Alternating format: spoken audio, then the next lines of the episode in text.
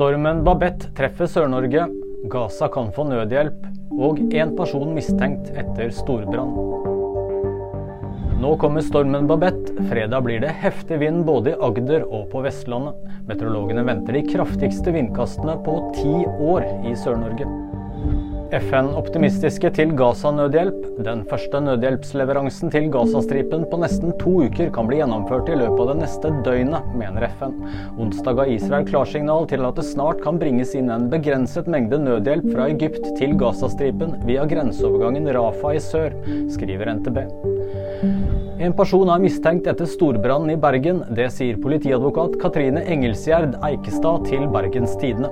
Hun sier at en av hypotesene politiet jobber med, er at det kan ha skjedd noe straffbart som forårsaket brannen i et trebygg i Bergen sentrum torsdag ettermiddag.